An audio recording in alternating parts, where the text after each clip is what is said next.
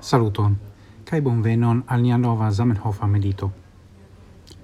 Hodiau mi volas legi, cae mediti cun vi, sur la vorto de Zamenhof, in li scribis eh, sub la uh, rolo de la redaccio de la esperantisto e 1895. Mi estas ie pagio ducent nau.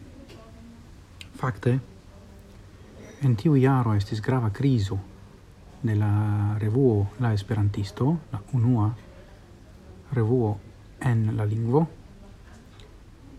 char multai abonantoi el Rusujo ne povis uh, renovigi la abonon.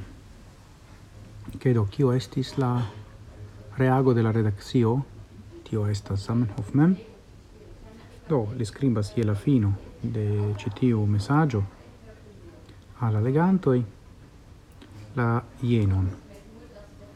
Ni forte bedauras, che ni devas nun malgrandigi la amplexon de nia gazeto. Ni ne havas la ebron agi alie, sed se aliai amicoi de nia fero havos la eblon cae desiron fondi alia in gazetoin, crom la esperantisto, ni estos tre gioiai. Estus tre desirinde che niai amicoi exter Rusuio comenzu nun pli energie cae mem stare exerci sia in fortoin en nia fero, porche pli au mal pli frue la tuta fero povu concentrigi en aliai manoi, ciam ili montrigios suffice pretigitai. Do, la messaggio hodiau kiun mi proponas al vi estas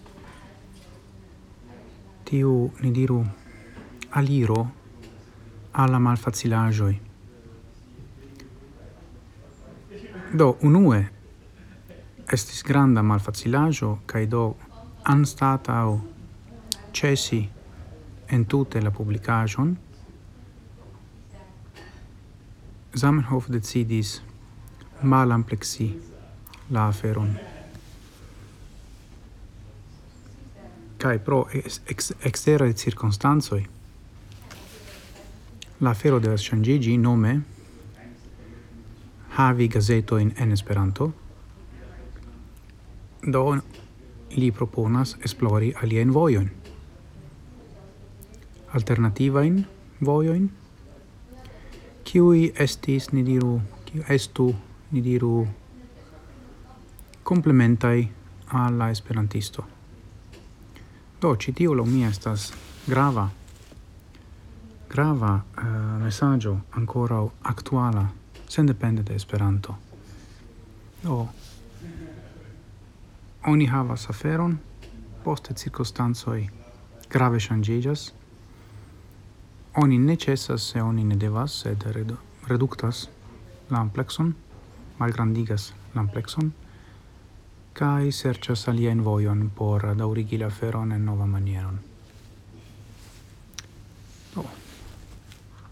Mi esperas che vi fartas bone, mi fartis bone en uh, Italio, kai nun mi estas de nove en mia non tempa giardeno, privata giardeno in Nederlando, en Amsterdamo, kai kiel ci mi daurigas mian uh, ciun tagan kun mediton kun vi kai mi tre ĝojas fari tion. Ja kaj um, ehm, kion diri nun?